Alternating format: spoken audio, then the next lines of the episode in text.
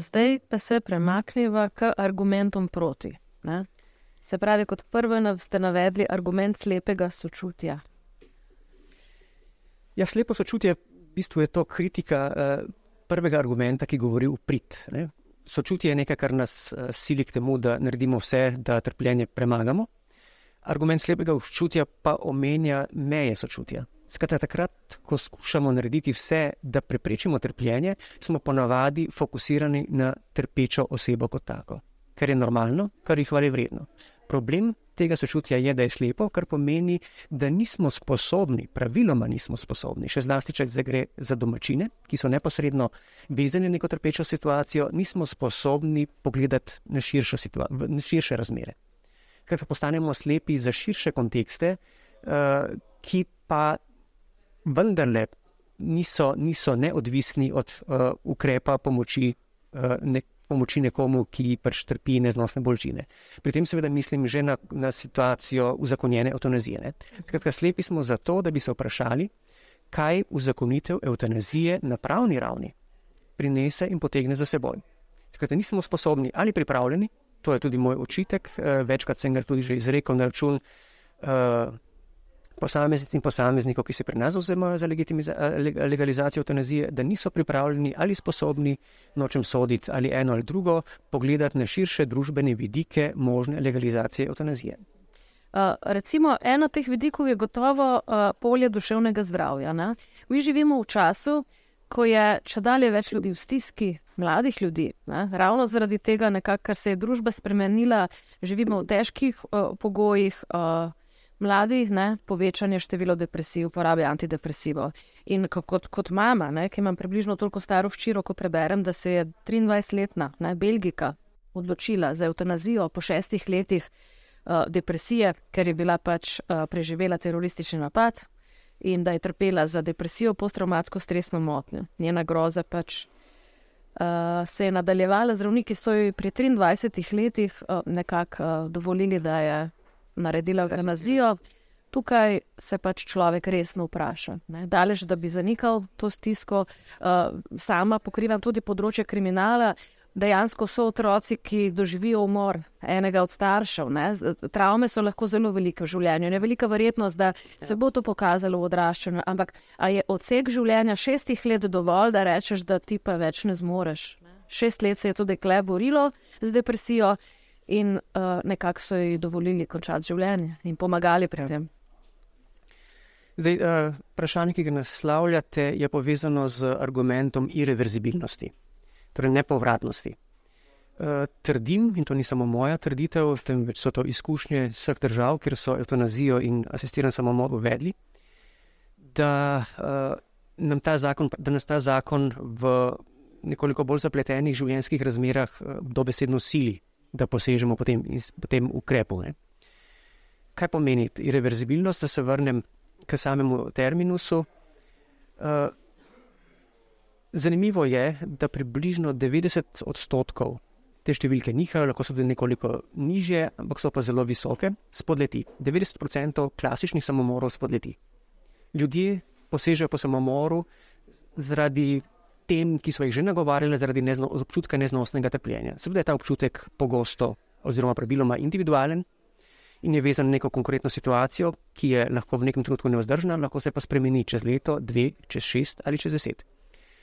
90% eh, kot rečemo spodleti in večina teh oseb, pri katerih je samomor spodletel, pozneje, za nazaj, retrospektivno gledano, eh, izraža veselje in zadovoljstvo da je njihova namera pred petimi, desetimi leti spodletela in zdaj živijo polnovredno življenje.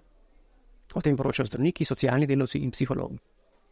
Problem pri uzakonjeni eutanaziji oziroma asistiranem samomoru pa je ta, da ta ukrep ne spodleti, da je irreverzibilen.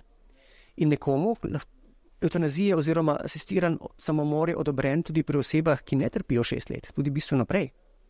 To so izkušnje iz, iz ameriške zvezdne države Oregon in tudi nekaterih drugih, tudi Švice, ker se bistveno hitreje odobri samomor.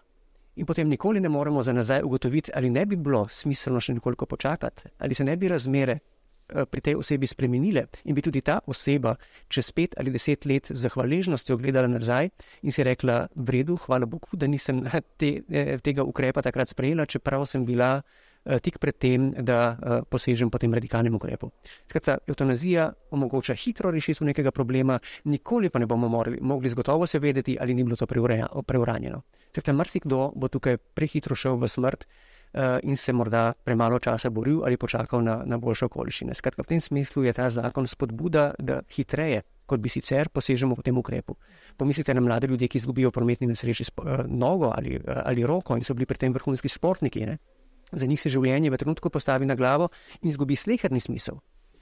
In to je dejansko izkušnja, na katero sem kot novinarka tudi eh, naletela. Mlad fant, skočil v vodo, ne, ja. uh, uh, bom rekla, tetraplegik. In misel vsakega, ki se znajde, pa nisem samo enega srečala, je, vsi hočejo umreti na začetku. Potem si pa nekako. Ne, uh, tudi oni se spremenijo. Ne? Seveda, če vprašaš zdaj 20-letnika, ali bi ja. hotel živeti naprej, če ne bi mogel ničesar početi s svojim telesom, bi rekel: Seveda ne.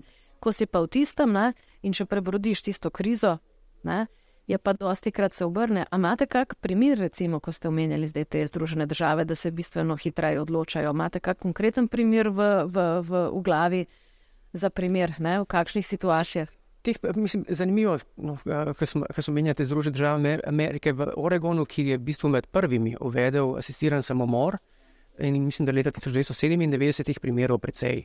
Že Jožef Trontel, ki je do svoje smrti vodil komisijo za medicinsko etiko, katere član sem tudi sam, je to dokumentacijo natančno pregledal in je v nekaterih svojih člankih uh, pripričljivo uh, kazal na to, da glavni razlogi, zaradi katerih so posamezniki posegli po asistiranem samomoru, niso bili vezani, tako kot je zakonodaja prvotno uh, načrtovala, na neozdravljivo bolezen ali na neozdržno trpljenje, temveč bila večina samomorov povezana z občutkom. Uh, upa, bistvenega opaca kvalitete življenja, nezmožnostjo, da, smo, da, da živimo samostojno, eh, bistveno omejenih gibalnih zmožnosti in podobno. Skratka, povezana z občutkom uh, duševnega trpljenja, ki je bila posledica te ali one nesreče ali nepredvidljivega, tragičnega dogodka v življenju.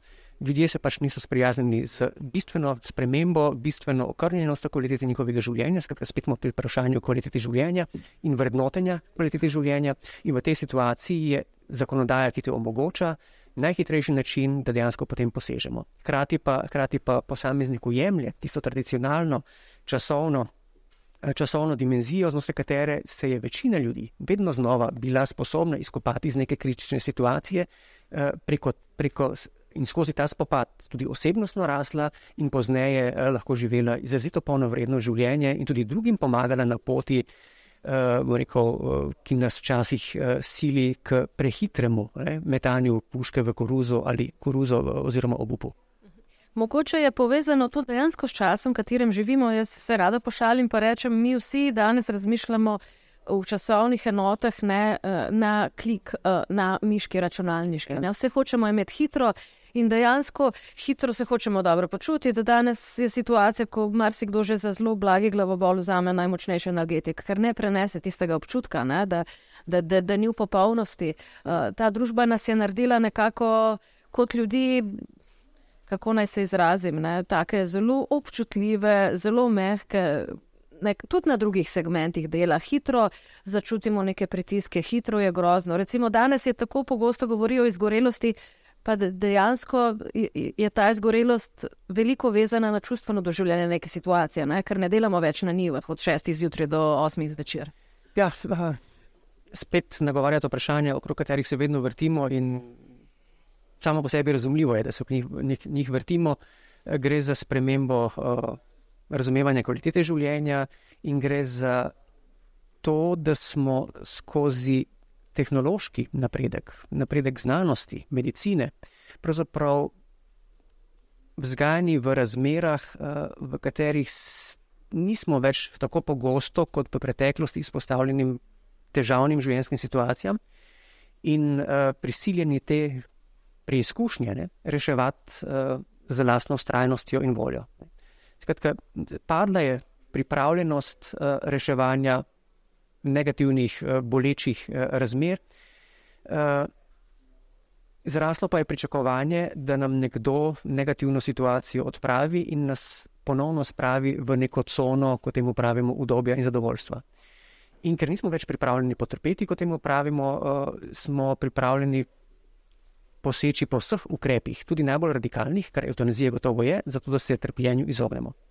To je uh, velika težava, zato nekateri govorijo pri eutanaziji, v zakonitvi eutanazije, da gre pravzaprav zgolj za uskladitev postopkov umiranja, oziroma tudi sam pravim, da gre v zadju za to, da gre za uskladitev postopkov umiranja z. Uh, spremenjenim eh, razumevanjem vrednot, skratka tistega, kar je pomembno in manj pomembno, ali če hoče, da gre za eh, neoliberalno razumevanje eh, vrednosti našega življenja.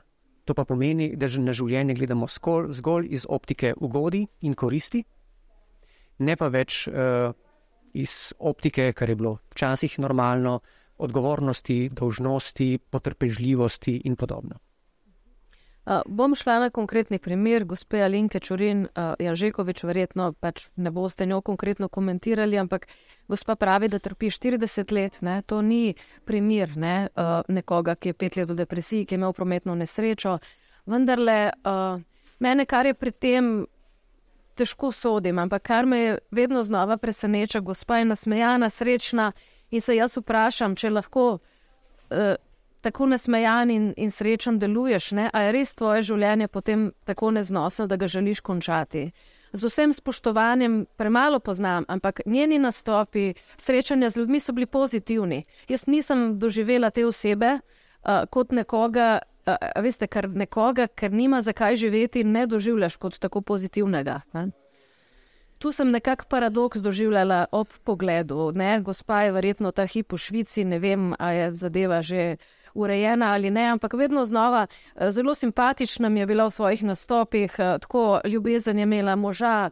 Eh, bolečina je res, verjetno, zelo neznosna stvar, po drugi strani se mi je zdela zelo vedra. Zelo, zelo, zelo, težko je na podlagi medijskih nastopov soditi o posamezniku. Medijski nastop je posebna okoliščina, v kateri smo, vi ste oseba, ki v medijih delujete in morda te diskrepance in razlike ne čutite tako med vsakodnevnim življenjem in pa medijskim nastopom. To, da za ljudi, ki nismo v medijih, je medijski nastop uh, poseben dogodek. Ne?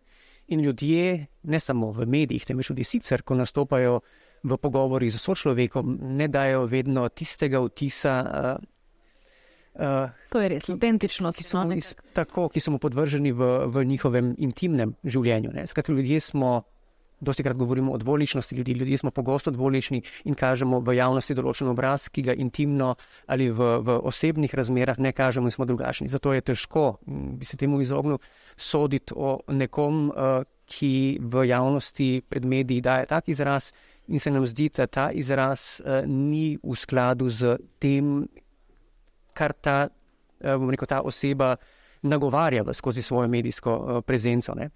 Eh, zato tega ne, ne morem komentirati, v medijih ne moreš možno vse. Ne. Lahko pa to zbuja takšne drugačne pomisleke, ki so lahko legitimni, ampak resno v njih, kot rečeno, ne moremo. Ne da bi hitro lahko postali do koga željivi, temu bi se želel izogniti.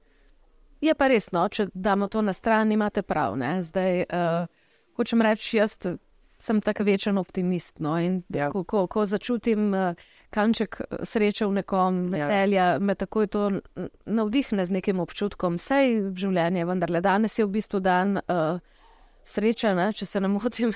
ja. tako da po naključju. Ampak vendarle. Uh, Dolgo trpljenje. Ne? Zdaj, če se vpraša, zdravnike pravijo, da se da bolečino nadzirati. Uh, ja. Imam izkušnjo iz uh, oddelka oziroma enote palijativne skrbe v, uh, na jesenicah. Ne? In tam zanimivo, tudi najhujši bolniki, nekako govorila sem zdravnica, rekla, nimajo želje končati življenje. Ne? Če je bolečina nadzirana, uh, te želje več ni. Ne? Je pa vprašanje. Ki se odpira cela organizacija okoli tega. Ne? Dejansko ljudje danes so prepuščeni, veliko krat so prepuščeni, tudi onkološki bolniki, ko so enkrat doma, se morajo sami s tem soočati in mislim, da ta sistem v Sloveniji ne deluje tako, kot bi lahko, oziroma kot bi moral? Ja, eh, tudi to je izjemno pomembno vprašanje. Eh, zato se ne samo pri nas na Komisiji za medicinsko etiko, temveč tudi v širšem delu javnosti številni zauzemamo za to, da kaže najprej pri nas urediti palijativno medicino in razširiti mrežo hospicev, razširiti je. Morda ni najbolj primerna beseda, ker jih imamo komaj, oziroma enega samega, pa še ta životari. Uh, še preden posežemo po najbolj radikalnih ukrepih, kar eutanazija in asistiran samomor gotovo so. Uh, pomembno je tudi to, kar omenjate, skratka izkušnje z jeseniške palijativne enote, ki je zelo aktivna in je lahko vzgled marsikateri pri nas, tudi sicer. Posod po svetu, tudi za ljubljanskega hospica, vsi govorijo o tem, da je tam zahtev po eutanaziji ali pa želje. Eutanazija namreč pri nas ni uzakonjena, želje, da bi predčasno končali življenje, malo, zelo malo. Eh, pomembna medijska oseba pri nas, ki jo poznam in je delala, morda še vedno dela kot prostovoljka v Ljubljanskem hospicu, je rekla, da v vseh desetletjih svoje pomoči pri eni sami osebi slišala, da želi umreti. Pa še ta je potem naslednji dan umrla. Skratka, če mi skrbimo za ljudi, če je poskrbljeno za palijativno osebo in če s pomočjo analgetikov v, primeri, eh, primer, v primerih, ko gre dejansko za neznosno telesno bolečino, pomagamo tej osebi bolečino zmanjšati, potem zahtev po predčasnem končanju življenja praktično ni praktično ga ni. Tudi sodobna analgezija, namreč včasih ne, temu ni bilo tako, danes pa je tako. Sodobna analgezija danes lahko poskrbi, da tudi najhujše bolečine umili na raven znosnosti. Tako da to ne more biti razlog za uvedbo, ne?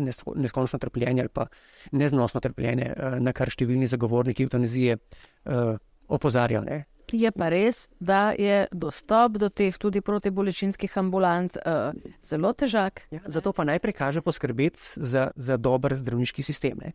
Pri nas bi bilo uh, nevarno uveljavljati ali pa uzakoniti eutanazijo ravno zaradi tega, ker uh, zdravstveni sistem ni na tako trdnih nogah, kot bi si to želeli in v teh razmerah uvesti. Je pravzaprav spodbuda vsem tistim, ki so dejansko zdaj izpostavljeni. Uh, nezadostni zdravniški oskrbi pomeni dodatno spodbudo, da bodo uh, zaprosili za to. Ne. Skratka, s tem samo napake, ki smo jih skupaj ustvarjali v zadnjih 30 letih, dokončno zabetoniramo in pravimo, ok, država kot država in kot zdravniški sistem nismo sposobni za dosti meri poskrbeti za to, da bo vsak deležen dostojanstvene smrti ali pa dostojanstvenih zadnjih dni, ker vam tega nismo zmožni dati, imate pa tukaj možnost, da vam pomagamo predčasno umreti. Če je to humanost, potem se sprašujem, o kakšni humanosti tukaj govorimo. Tu bi vas kot filozofa, eh, ki se ukvarjate s človekom, vprašala sledeče. Dosti krat slišiš pri starejših nekako, ko se začenjajo malo resnejše težave. Uh, slišiš pri teh osebah, nočem biti v breme svojim domačim, nočem biti v breme svojim otrokom. Ne? Čeprav je ta ista oseba celo življenje garala, da je lahko svojim otrokom omogočila uh, dostojno življenje, šolanje, izobrazbo, pomoč pri varstvu vnukov. Ja. Odkje pride to nočem biti v breme svojim otrokom? Zakaj se čutimo, da so starejši ljudje breme? Zakaj sami doživljajo tako?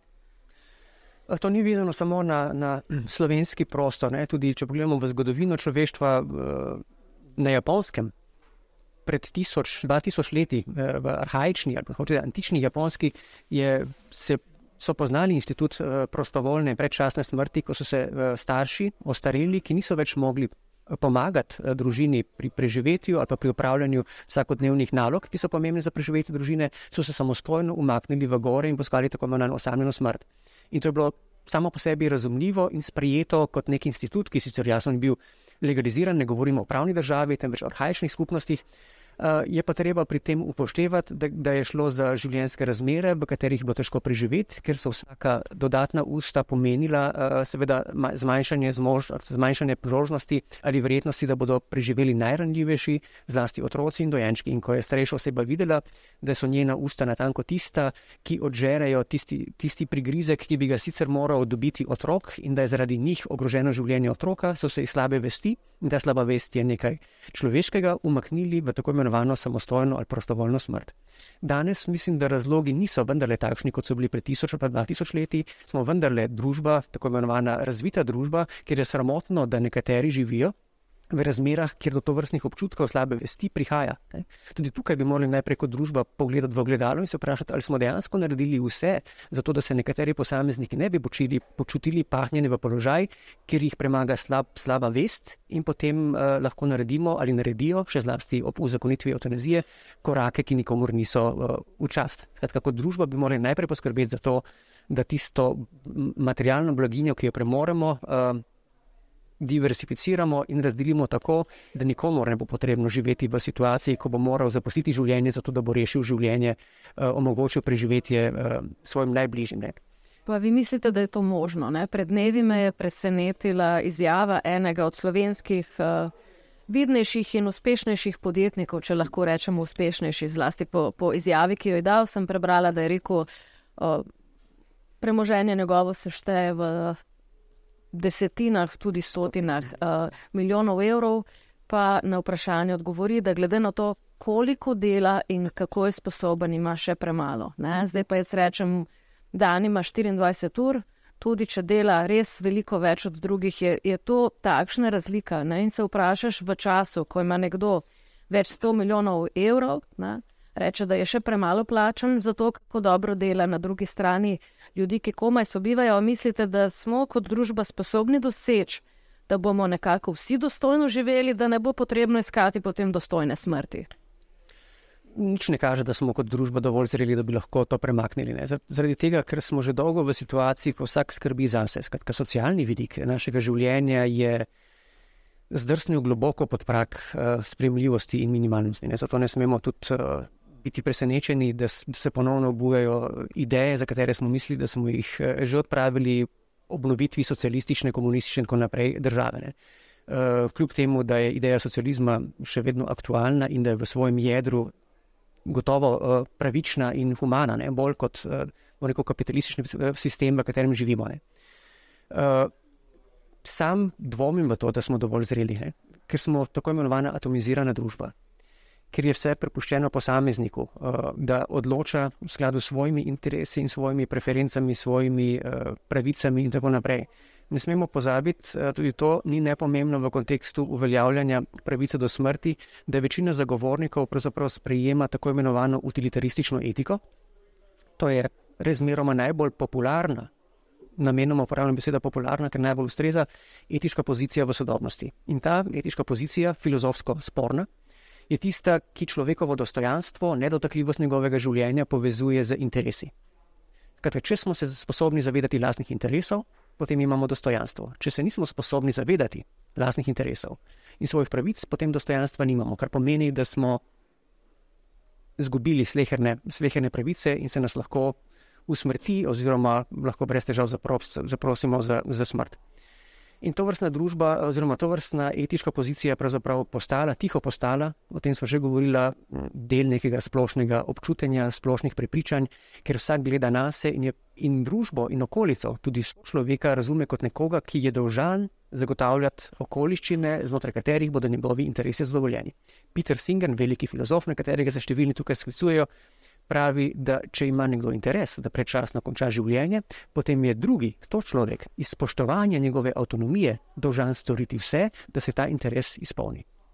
To je perverzno razumevanje uh, medčloveških odnosov, ker skratka drugi ne igra nobene vloge, temveč je zreduciran na vlogo instrumenta, ki je dolžan poskrbeti za to, da se moj interes uh, uresniči kar je pa protislovno, ker na ta način potem on nima več svojih interesov, temveč je podaljšek mojih interesov in mora služiti meni.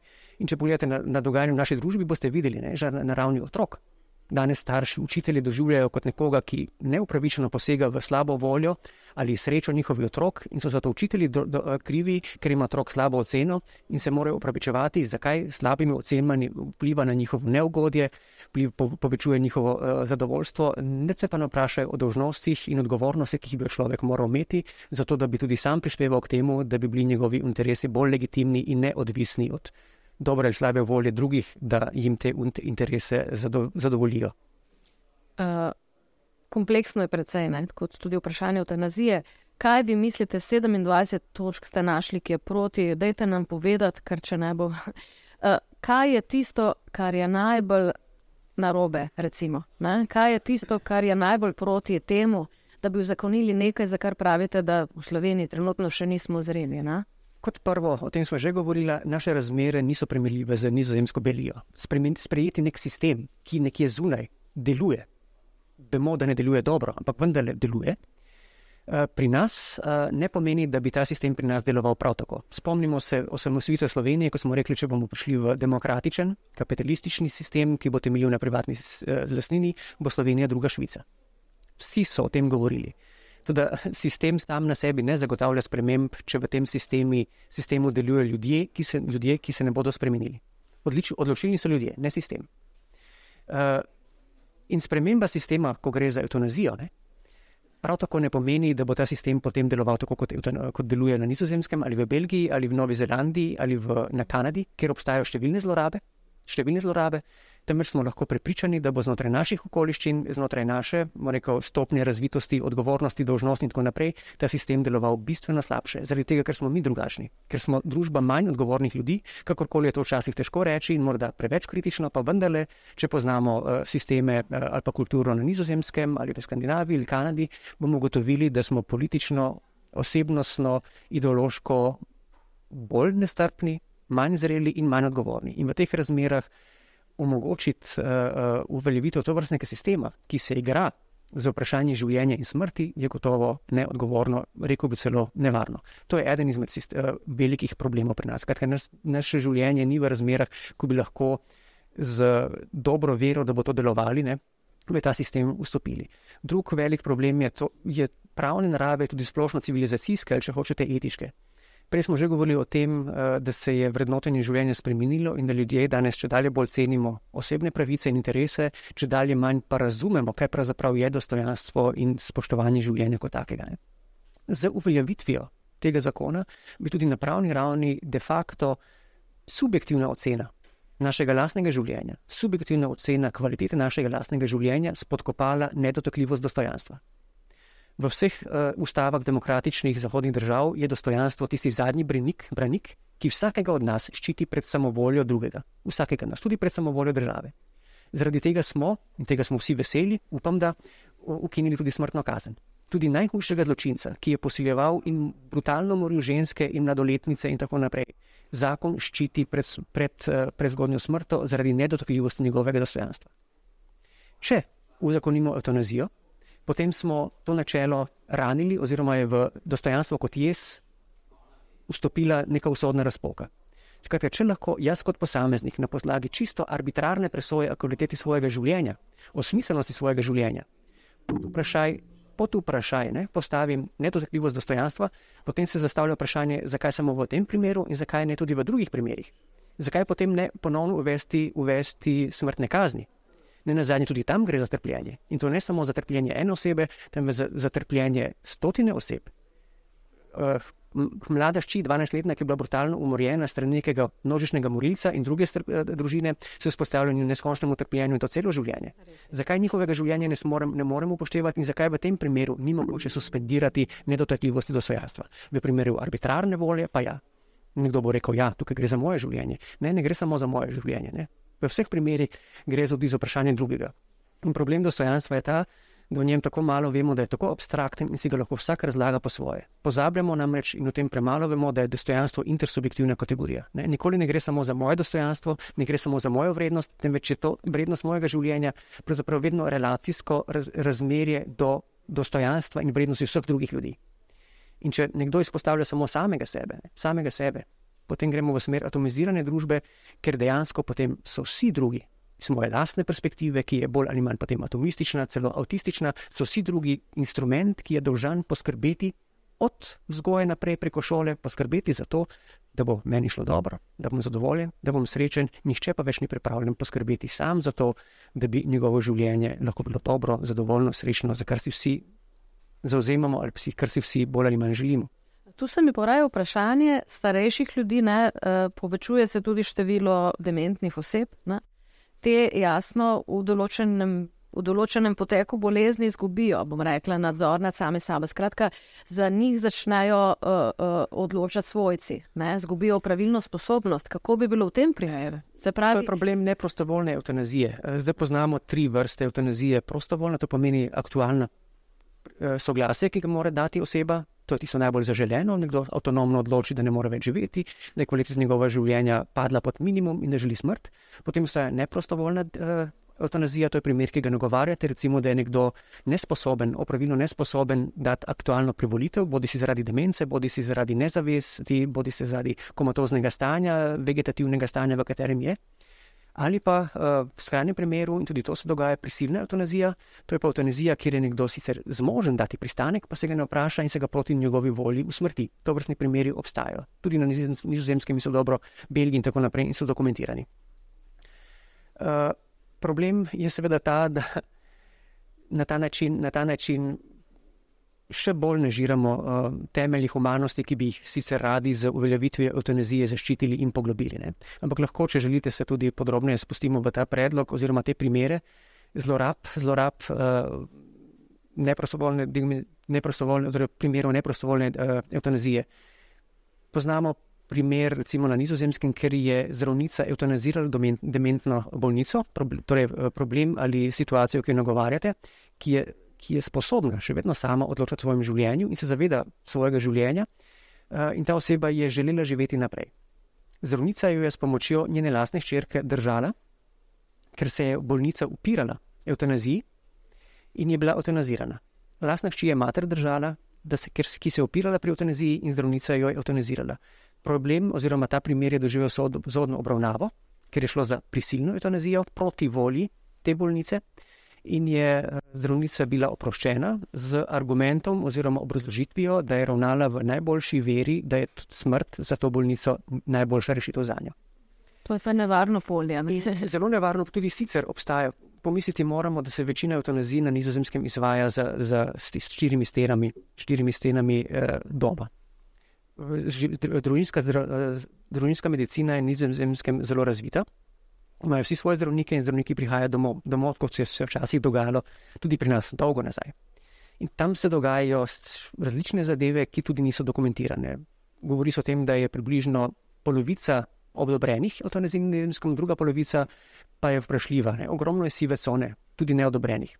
Se pravi, da je zdravnik domov? Domov in izvrši eutanazijo. Pričemer, ker je tudi zelo sporno, uh, ko, se, ko gre za uh, uradne podatke, ki govorijo o tem, kako poteka zakonodaja na tem področju, ti uradni podatki se sklicujejo na poročila, ki jih pišejo zdravniki sami. Skratka, zdravnik sam, ki je opravil eutanazijo, na koncu napiše zapisnik, v katerem zagotavlja, da je vse potekalo zvezi, po, po zakonu. Skratka, da je gre za avtonomno. Sam sebe ocenjuje. Tako, to je podobno, kot če bi eh, na koncu leta vsak od nas, ki je bolj ali manj voznik, eh, sporočal ja, eh, rekel, vladi, ali je vozil po predpisih, ali nikoli ni šel skozi rdečo luč in tako naprej. In na ta način se lahko odpoveste policiji, vsak je samemu sebi svoj lastni policaj. policaj. Lahko ste prepričani, da bo slika o, varno, o varnosti v prometu popolnoma drugačna kot zdaj. Pravzaprav bo idealna. Ne?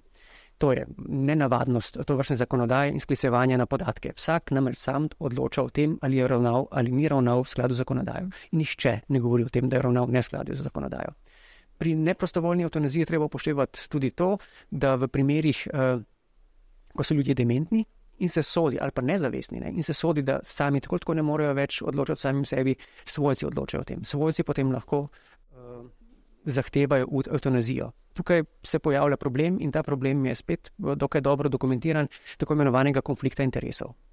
Nekdo, ki. Mlajši ljudje imajo seveda željo in pravico, da živijo v, v znosnih življenjskih razmerah, tudi, tudi uh, neko, finančnih, uh, tudi osebnih, in tako naprej, in v nekem trenutku si lahko zaželijo smrti svojega najbližjega. Skratka, oni o tem odločajo zaradi konflikta interesov, zaradi tega, ker imajo materialne interese. Recimo, bi si želeli, da se hiša sprazni, ki jo bodo potem prodali, in tako naprej. Ne. To je povezano z prej imenovanim tudi mobbingom do smrti in podobno. Uh, kar bomo rekli, malce strašljivo se sliši to. To, mislim, to, so, to, to, to je običajno, ljudje pač taki smo. In če uvajamo to vrstno zakonodajo, moramo vedeti, moramo pričakovati, da so ljudje vsega zmožni. Bolj kot so, ne zaradi tega, ker bi bil človek po naravi slab, temveč zaradi razmer, v katerih pogosto smo, nekateri preprosto nimajo druge možnosti.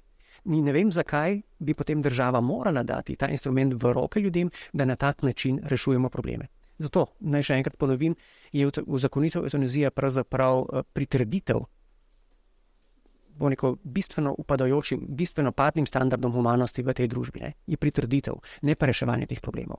Temveč priznanje, da smo nezmožni reševati probleme, da smo nezmožni reševati stiske najstarejših, eh, trpečih eh, in tudi mladih ljudi, ki v takšnih razmerah živijo in bi naj skrbeli za svoje stare. In jim potem damo v roke instrument, da eh, trpljenje trpečega končamo tako, da usmrtimo trpečega. To je pravzaprav šokantno. Ne? To je podobno, kot če bi želeli lakoto lačnih rešiti tako, da usmrtimo lačnega. Potem lahko v tej smeri delujemo na vseh ravneh. Ne? Kaj bi bili tisti pravi koraki? Recimo, pravi, korak, pravi korak je v prvi vrsti ta, eh, da v večji meri in bolj zauzeto in z več dobre volje kot doslej, te volje namreč doslej ni bilo prepoznati, uprežemo vse sposobnosti in poskrbimo za razvoj palijativne medicine. Prej ste sami ugotavljali, eh, in tudi to je splošno znano, da tam, kjer je palijativna medicina dobro razvita, zahtev za eutanazijo praktično ni. Ljudje si ne želijo smrti, ljudje si želijo konca trpljenja. Ne? Tudi tisti, ki želi smrt zaradi trpljenja, ne želi smrt kot tako, se ne želi, želi znebiti življenja, temveč se želi znebiti trpljenja. In v, in v, čutki, v, rekel, v situaciji trpljenja smo pripravljeni storiti vse. Ne? Tudi tiste, ki mučijo, so pripravljeni povedati karkoli neresničnega, samo da se trpljenje ustavi. Skratka, v fazi trpljenja avtonomne volje praktično ni, ker je bolečina tista, ki narekuje, kar moramo storiti. Skratka, poskrbeti za to, da ljudje ne bodo trpeli, eh, razviti palijativno medicino, hospice in potem bo velika večina problemov rešena. Če pa obstaja minim, torej zelo ozek nabor posameznih primerov, še lahko osta, ostane, tudi tisto je potem mogoče reševati drugače kot z uzakonitvijo uzakonitev druga. Tisto naj ostane diskretna pravica zdravnika, da pomaga bodi si s terapijo dvojnega učinka, kjer se s pomirjavali skuša olajšati bolečino, z vednostjo, da v končni fazi lahko povečevanje doze pomirjeval tudi povzroči smrt. Ampak ta, smrt, ta smrt je potem še vedno posledica zdravljenja, ne pa posledica naklepnega usmrtitvene in ni vezana na zakonodajo, ki potem odpre številne spremembe na vseh ravneh, temveč je vezana na intimno razmerje med lečečim zdravnikom, pacijentom in svojci. In mislim, da bi bilo prav, da država v to nima pogleda, da se s tem ne ukvarjajo komisije, da se s tem ne ukvarjajo mediji, temveč naj smrt ostane intimni dogodek, kar je vselej bila. Ker dejstvo je, tudi v srebrni niti in tisti, ki so za eutanazijo, oni razlagajo, vse teh primerov, vse ne bi bilo zlorab, ker teh primerov je zelo malo. Potem si pa rečem, če je teh primerov zelo malo, je pa potem mogoče smiselnejše jih obravnavati tako, kot ste ravno kar opisali, ne? kot posamezen primer, ne kot. Ja. Uh... Poglejte, se, to, je, to, to je eno izmed številnih protislovij v argumentaciji zagovornikov. Načeloma tudi znotraj prava velja, da je za izjemne pravila, za izjemne primere se ne spremenja zakonodaje ali pa se ne dela zakonodaje. Izjemen primer je ravno zaradi tega izjemen, ne? ker se ga ne da spraviti pod pravilo in ga nima smisla spraviti pod pravilo, pod zakonodajo. Če pa izjemnega primera naredite zakonodajo, potem bo izjema postala pravilo, postala bo zakon, postala bo norma, postala bo to, kar se v naši okolici dogaja in s čimer se potem tudi naša, naše zbrednotenje življenja spremeni. Skratka, avtomatično začnemo gledati na življenje kot nekaj, kar v nekem trenutku izgubi vrednost in s čimer je treba končati. Ne? Skratka, naša toleranca do, do vseh oblik bolečina in neugodja bistveno pade, kar pomeni o čemer smo že govorili, bistveno večjo pripravljenost, da že ob najmanjših življenjskih stiskah in problemih, ki smo jim vsi prej ali slej soočeni, zaprosimo in izkoristimo ta institut, ki nam ga je država dala na voljo, da se znebimo uh, ne, nekega v nekem trenutku, ne, parcialno gledano, neozdržnega trpljenja. Da ne bi koga žalila, na dejansko zavedava se, da so ljudje, ki živijo danes, pa ne bi smeli v res težkih bolečinah, neznosnih bolečinah, tudi duševnih bolečinah. Vemo, da Slovenija nima urejenega sistema ne, uh, hitre, hitre pomoči do psihiatrične skrbe, do psihološke skrbe. Tudi ta sistem ne, uh, je šepa, močno šepa. Se pravi, tudi nekdo, mogoče, ki ne vidi. Ne vidi poti svoje stiske, jo morda ne vidi, ker ni tako dobro skrbljen, kot, kot bi lahko bil. Ne? Nimam ne zdravniške, ne nobene izobrazbe, ampak iz primerov, s katerimi se srečamo, če čakaš recimo eno leto psihiatra, če čakaš ne vem koliko mesecev psihologa, verjetno to tudi vpliva na, na potek neke bolezni, tudi duševne. Poglejte, vedno znova se vračava eh, na temo, ki je, in to dokazuje sam to pogovor, ključna. Ne? Pravzaprav bi nas moralo biti sram, v kakšno družbo smo se razvili. In tisto, kar opozarjam, zelo preprosto rečeno, v tej situaciji uvesti eutanazijo je priznanje poraza. In pritrditev temu, da smo nesposobni rešiti probleme na human način, oziroma manj sporen način, kot je eutanazija. To je, to je osnovna, to je pritrditev, torej osnovni pomislek, to je pritrditev vsemu temu, kar smo počeli na robe in s čimer smo se pripravljeni zadovoljiti, in rečemo potem v redu, nismo sposobni poskrbeti, lahko ti pa omogočimo, da umreš.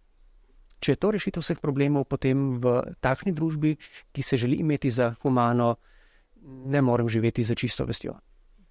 Povejte mi še, kako se je razpletlo pri gospodu bolniku, ki ste ga prej omenili, ki je napisal knjigo, ki je komuniciral s trepalnicami. Kaj je sporočil okolici? Uh, izkazoval je izjemno globoko ponotranjeno duhovno življenje. Skratka, stisko poskušajo povedati, da to, kar se iz pozicije zunanjega opazovalca zdi neudržno in v njih zbuja nelagodje, tako kot pogosto uh, doživljamo sami sebe v nekem nelagodnem, celo trpečem, so trpečem položaju, ko vidimo, da drugi ne more ne samo hoditi, temveč ne more niti govoriti, in domnevamo, da ničesar ne čuti, da je skratka podoben rastlini. Izkazalo se je, iz tega sicer ne moremo sklepati na neka pravila, ne? Ampak govorimo bolj o tem, kako težko je v izrednih primerih ali izjemnih primerih sploh soditi, govori pa o tem, da obstajajo oblike življenja, ki so z vidika naš zdravih, na prvi pogled popolnoma nevredne in nesmiselne življenja, pa izkazujejo neko občutenje in neko držo, ki marsičem presega ne, občutek ugodja in sreče pri nas, tako imenovanih zdravih in navidezno zadovoljnih. Tisto, kar nam pokaže ta knjiga, je zgolj to, kako hitro se lahko zmotimo pri presoji tega, kako živi nekdo drug. Ne. In tukaj dati potem spet argument, uh, instrument eutanazije kot, kot zasilni izhod, spet lahko samo poveča nevarnosti, jih pa ne odpravlja. Ne. In tudi tisti, ki bi lahko živeli, uh, bodo umrli prej, kot bi sicer. Ne. Je pa ta oseba potem relativno kmalo, kot knjigo napisala, umrla. Ampak naravne smrti. Naravne smrti, ja. Pa si je želela živeti, recimo? Ja, v tistem stanju, ja. Tistem stanju, ja ne, na nek način je bilo tudi izjemno zadovoljstvo to knjigo potem napisati ne, za to osebo. Vsak od nas se čuti uh, potrjen in zadovoljen, če lahko svojo lastno notranjost, svojo lastno ustvarjalnost ali pa potencijalno ustvarjalnost dejansko živi. Kot je vsak od naju zadovoljen, če je nekaj dobrega naredil, bodi si kot novinar, bodi si kot zdravnik, bodi si kot filozof ali kdorkoli drugi, ki nekaj smiselnega počne. Ampak primer kaže na to, da je tudi v stanjih, ki jim ki jih, ki jim na vides odrekamo možnost, da karkoli smiselno naredijo, možno nekaj narediti. Tudi če ta oseba ne bi pisala, še vedno lahko globoko doživlja in se lahko razveseli obiska najbližjih, čeprav tega veselja ne more neposredno izraziti. Da, vidi, more... da, so, ne, da so še živi. Da, Tako, zato pravim, da je zelo težko ocenjevati uh, vrednost življenja nekoga, ki se izmakne z možnosti naše percepcije, ki se izmakne temu, da lahko zanesljivo ugotovimo na podlagi zunanjega izraza, kako s to osebo je zelo težko. Tukaj so primeri tako različni, uh, kateri od nas previdnost. Ali je mogoče v zadju tudi vprašanje, ki je v današnjem času ljudje, recimo, sem že slišala, sodelovka je umrla. Pa druge sodelovke, ja, jaz ne maram hoditi na pokopališča, jaz ne maram pogrebov. Ne? To izmikanje, ne? v bistvu, da nas, ja. so nam moteči ti ljudje tudi sa stališča, da se s tem sami soočimo ne? v tej narcisistični dobi, ker smo vsi lepi, mladi in večno zdravi. Uh, veste, da bi hoteli pač tisto, kar boli, ker včasih je samo pogled na te osebe zelo boleč. Ne? Zakaj? Ker se pač lahko soočiš s tem, kaj tebe čaka čez 20 let. Ne? Ali je mogoče tudi v ozadju neka taka želja, nezavedna morda pri nekaterih, ne? da damo tisto grdo, slabo, bolno, ne, ne v redu stran. Ne? Ljudje smo, ljudje smo psihološko gledali navajeni, eh, to so klasične strategije, da skušamo potlačiti negativne aspekte življenja ki, po, ki pa niso nujno negativne. Ne? Spet je to povezano z našimi življenjskimi izkušnjami, ki jih imamo, in z splošno kulturno vrednotno situacijo družbe, v kateri živimo. Ne?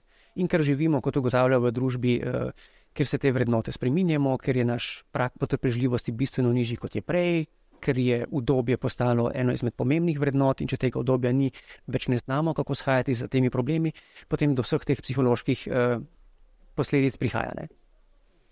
Kot zadnje vprašanje, pa nočem biti provokativna, ampak vendarle, veste, ko imaš nekoga, ki ne zastopa nekega stališča, se, ker smo razdvojena družba, kot smo rekli na začetku, bo marsikdo verjetno rekel, ja, verjetno paše v tisti del družbe, ki je pod vplivom crkve. Ne? Pa vas vprašamo osebno, ste vi uh, veren človek oziroma na kak način doživljate to eutanazijo, čisto na osebni ravni? Mislim, da je skoraj ne mogoče biti neveren. Vprašanje je samo, v kaj kdo veruje. Ne? Tudi, tudi nevera je oblika vere, oziroma ateizem je oblika vere, ker nekdo verjame v vem, človekove pravice ali v enakopravnost in tako naprej. Mi imamo skratka vse le neko strukturo vere. Vprašanje je samo, kaj to je. Če me sprašujete bolj neposredno, ali izprihajam iz crkve, ali sem crkven človek, najprej vprašanje, kaj crkvenost je. Bil sem krščen, bil sem pri obhajilu, bil sem pri birmi, skratka osnovne zakramente sem dal skozi, ne obiskujem pa crkve redno, sploh ne. Sem pa občasno tam iz estetskih razlogov, ker sem tudi umetnostno zgodovino študiral in obožujem crkve, hkrati pa tudi cenim ljudi, ki so verni in uh, sledijo določenim načelom. In ta načela, recimo znotraj krščanske vere ali tudi islamske vere ali budistične vere in tako naprej, so pravzaprav splošna človeška načela, so povezane s svetovnim etosom. In mislim, da je nemogoče na ta način, kot se pri nas pogosto dogaja, govoriti o tem, da so bodi si neverujoči slabi ali verujoči slabi. Eh, te stvari so dosti bolj kompleksne med seboj povezane v cerkvi in zunaj cerkve obstajajo ljudje, ki so takšni ali drugačni in to boste našli posod. Se pa, se pa bojim, in to se vedno znova dogaja, in tudi v javnih polemikah sem se skušal temu, tega otresti, da te avtomatično, če ne zagovarjaš nekaj, pogledajo, ali to morda ne pomeni, da pripadaš nekemu ideološkemu sektorju. Kot filozof si tega niti ne, ne zmorem, pa tudi osebnostno mi je to tuje se odločiti za ene ali druge. Ne. Jaz sem rekel, prepričano levo, eh, levi desničar no? ali pa desni levičar. in je treba upoštevati tisto, kar je dobro pri enem in drugem. Ne? Dejansko obstajajo številni pozitivni aspekti eh, tako imenovane desne politične usmeritve in leve ali konzervativne svetovno-nazorske opredelitve ali liberalne svetovno-nazorske opredelitve. Kaj so tiste vrednote, ki vi mislite, da bi bile potrebne? To je zadnje vprašanje, da jih vsak pri sebi začne ponovno negovati, obuditi. Ne? Katere vrednote so nam umankale, oziroma niso tako dobro zastopane, kot bi pač morali biti. Mislim, da tukaj kaj, kaj dosti novega niti ni mogoče pogledati. Ne. Smiselno je spet pogledati v zgodovino človeštva in videli bomo posod. In tudi danes je temu tako, da obstaja ena sama, ena sama, lahko bi rekli, konstitutivna, vrhovna vrednota, to je, to je človekovo življenje. Ali pa življenje nasploh. Zakaj? Zelo preprosto, ker so vse ostale vrednote, tudi ko govorimo o pravicah, govorimo o interesih, svoboščinah in tako naprej, vse te so odvisne življenja. Tudi zdravje je pomembna vrednota. To, da zdravja brez življenja ni, če nekomu vzamemo zdravje, zdravje na sebi kot vrednota ne obstane. To so tako imenovane konsekutivne oziroma izpeljane vrednote. Življenje je konstitutivna vrednota in vse ostale temeljijo na tej vrednoti. In če bo, če bo življenje, če tudi najprej v moji lastni osebi, postalo vrednota, potem je korak do tega, da cenim tudi vaše življenje, zelo majhen. Za, za razvite ali pa zrele, eh, eti, moralno-etične družbe to ni noben problem. Ampak ta dialoškost se je v zadnjih desetletjih bistveno zmanjšala in zaradi razlogov, o katerih smo govorili, in zaradi atomizacije družbe, je ta interpersonalna struktura naših odnosov, vzajemno spoštovanje drug drugega, ne? kar je pravzaprav tudi temeljna sestavina dostojanstva. Vse to izginja. In če ostanem samo jaz z mojimi pravicami in ne vem, na čem te, te pravice temelijo, potem je življenje postavljeno v odvisno vlogo od pravic in interesov. Ne? Zato se to dogaja. Skratka, mi moramo spet postaviti pravo razmerje vrednot. In vesel sem, da se v zadnjem času, celo včeraj, uh, na eni od televizij, sem videl, da se v šolah začenjajo ponovno pogovarjati o tem, da je potrebno obuditi dialog o vrednotah. In če bomo to obudili in če na primeren način vzgajamo otroke, ne v, v skladu z krščansko ali islamsko ali budistično ideologijo in tako naprej, temveč v skladu z, z nedvomnimi vrednotami, o katerih lahko sklenemo soglasje vsi, neodvisno od tega, ali smo verujoči ali ne verujoči, liberalno ali konzervativno usmerjeni. Določene vrednote so namreč univerzalne. Ne? To vemo vsaj od Kunga naprej, od njegovega projekta Svetovni etos, ki skuša pokazati, da je temu tako. Eh, najlepša hvala za vaš pogovor. Meni ste dali misliti, misliti upam, da bo tudi našim uh, gledalcem, poslušalcem tako. Še enkrat lepa hvala za vaš čas. Hvala za povabilo. We're